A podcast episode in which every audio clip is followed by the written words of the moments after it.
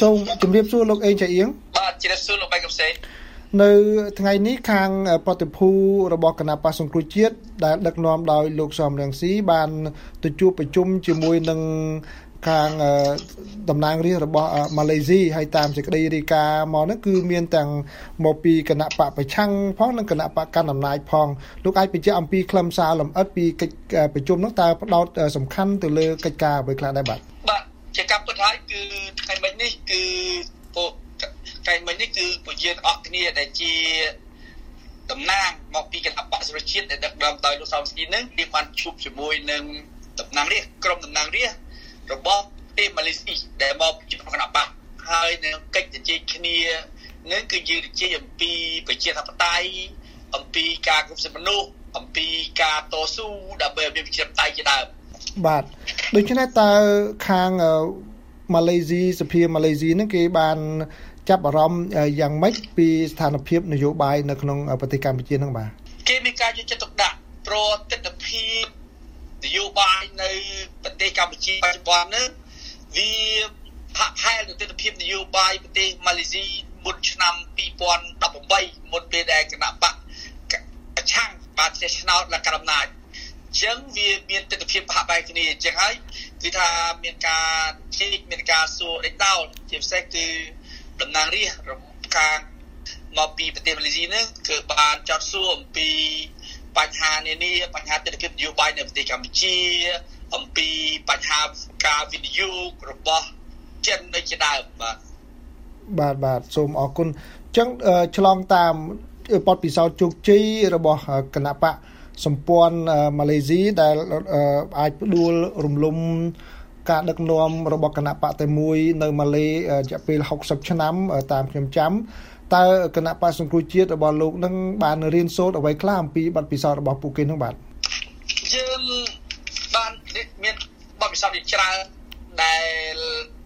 មានច្រើនដែលផ្ដល់មកឲ្យយើងសម្រាប់យើងយកទៅគិតគូរដើម្បី ដើម្បីតដើម្បីធ្វើម៉េចឲ្យមានការផ្លាស់ប្ដូរនៅប្រទេសកម្ពុជាពិតប្រាកដអឺបាទដើម្បីឲ្យមានការផ្លាស់ប្ដូរពិតប្រាកដនៅក្នុងប្រទេសកម្ពុជា គឺដាច់ខាតខាងអ្នកថ្នាក់ដឹកនាំនឹងគឺត្រូវមានវត្តមាននៅក្នុងប្រទេសកម្ពុជាដូច្នេះត្រឡប់មកគម្រោងផែនការដែលធ្វើមិត្តភូមិនិវត្តកាលថ្ងៃ9ហ្នឹងគឺបានត្រូវពន្យាតើលោកនឹងមានផែនការត្រឡប់ទៅកម្ពុជាវិញនៅពេលណាទេមកដល់ពេលនេះបាទយើងផែនការ ចូលកម្ពុជាគឺជារឿងចាំបាច់ព្រោះយើងជាជនជាតិខ្មែរយើងចាំបាច់ត្រូវតែទៅកាន់ប្រទេសកម្ពុជាដែលជាមាតុភូមិកំណត់របស់យើងដើម្បីទៅតស៊ូឲ្យមានការផ្លាស់ប្ដូរពិតប្រាកដទោះបីថ្ងៃ9វិច្ឆិកាក្រុមនេះរបបលោកហ៊ុនសែនបានព្រះរាជយ៉ាងណាក៏ដោយគឺយើងអត់មានដកថយយើងអត់មានបោះបង់ទេយើងរិះរោបគ្រប់វិធីគឺថាធ្វើយ៉ាងណាដើម្បីឲ្យយើងអាចចូលទៅកាន់កម្ពុជាបានបាទ លោកអាចបញ្ជាក់បានទេថាអាចក្នុងពេលឆាប់ឆាប់នេះឬក៏ពេលណាជាក់លាក់ដែរបាទយើងត្រូវការរីរកមានពិធីត្រូវការពិធីច្រើនព្រោះយើងដឹងថារបបហ៊ុនសែននឹងគាត់បានដាក់បារះនិរុបទៅដាក់បារះយើងយើងនឹងរកពិធីដើម្បីដកបារះទៅចេញអានេះគឺជាចំណុចដែលសំខាន់បាទសូមអរគុណលោកអេងចាអៀងមានបញ្ហាមួយទៀតដែលទើបតែវិវត្តនៅថ្ងៃនេះគឺ ខាងសហភាពអឺរ៉ុបបានបញ្ចប់នៅរបាយការណ៍វិតម្លៃអំពីស្ថានភាពសិទ្ធិមនុស្សពាក់ព័ន្ធ និងឋានៈអនុគ្រោះពន្ធ EBA គ្រប់មុខទំនិញលើកលែងសភាវុធហ្នឹងហើយនៅក្នុងសាររបស់លោកស្រី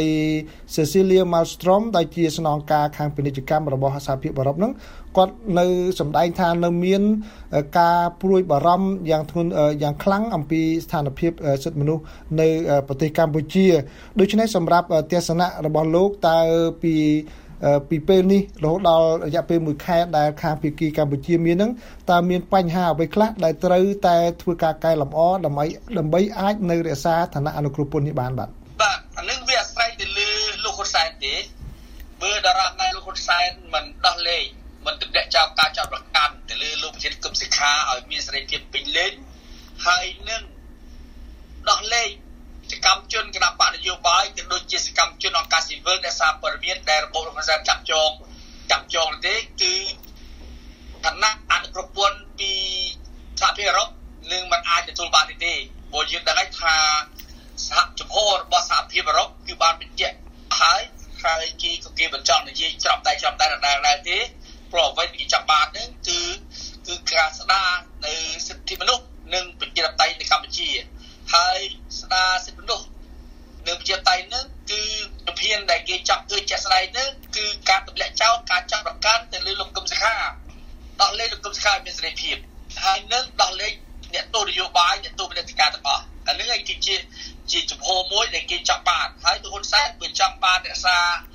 អាប្រព័ន្ធនេះគឺត្រូវតែមានកាយវិការបែបហ្នឹងបាទបាទចោះសម្រាប់រូបលោកវិញក្នុងនាមជាអ្នកនយោបាយមួយ តើលោកមានសុទិដ្ឋិនិយមទេ ថាបញ្ហារបស់កម្ពុជានឹងអាចនឹងដោះស្រាយបានឬក៏ស្ថានភាពតានតឹងនាពេលបច្ចុប្បន្ននេះនឹងត្រូវវិលត្រឡប់មកល្អវិញនៅក្នុងអំឡុងពេលមួយខែនេះបាទបាទខ្ញុំជឿជាក់ថាលោកហ៊ុនសែនក៏ត្រូវតែត្រូវតែគិតគូរអំពីសំណើពីសំណពររបស់អន្តរជាតិប្រសិនបើគាត់គិតពីផលប្រយោជន៍ប្រទេសជាតិបាទប៉ុន្តែបើគិតគិតពីរឿងអំណាចរបស់គាត់អានឹងគាត់នឹងជួបនៅវាសនាមិនល្អហើយ បាទបាទសូមអរគុណលោកអេងឆៃអៀងដែលជាអនុប្រធានគណៈបកសង្គ្រោះជាតិដែលជ្រាបរការនេះផ្ដល់បទសម្ភាសន៍ដល់ VOA សូមជម្រាបលាលោកបាទសូម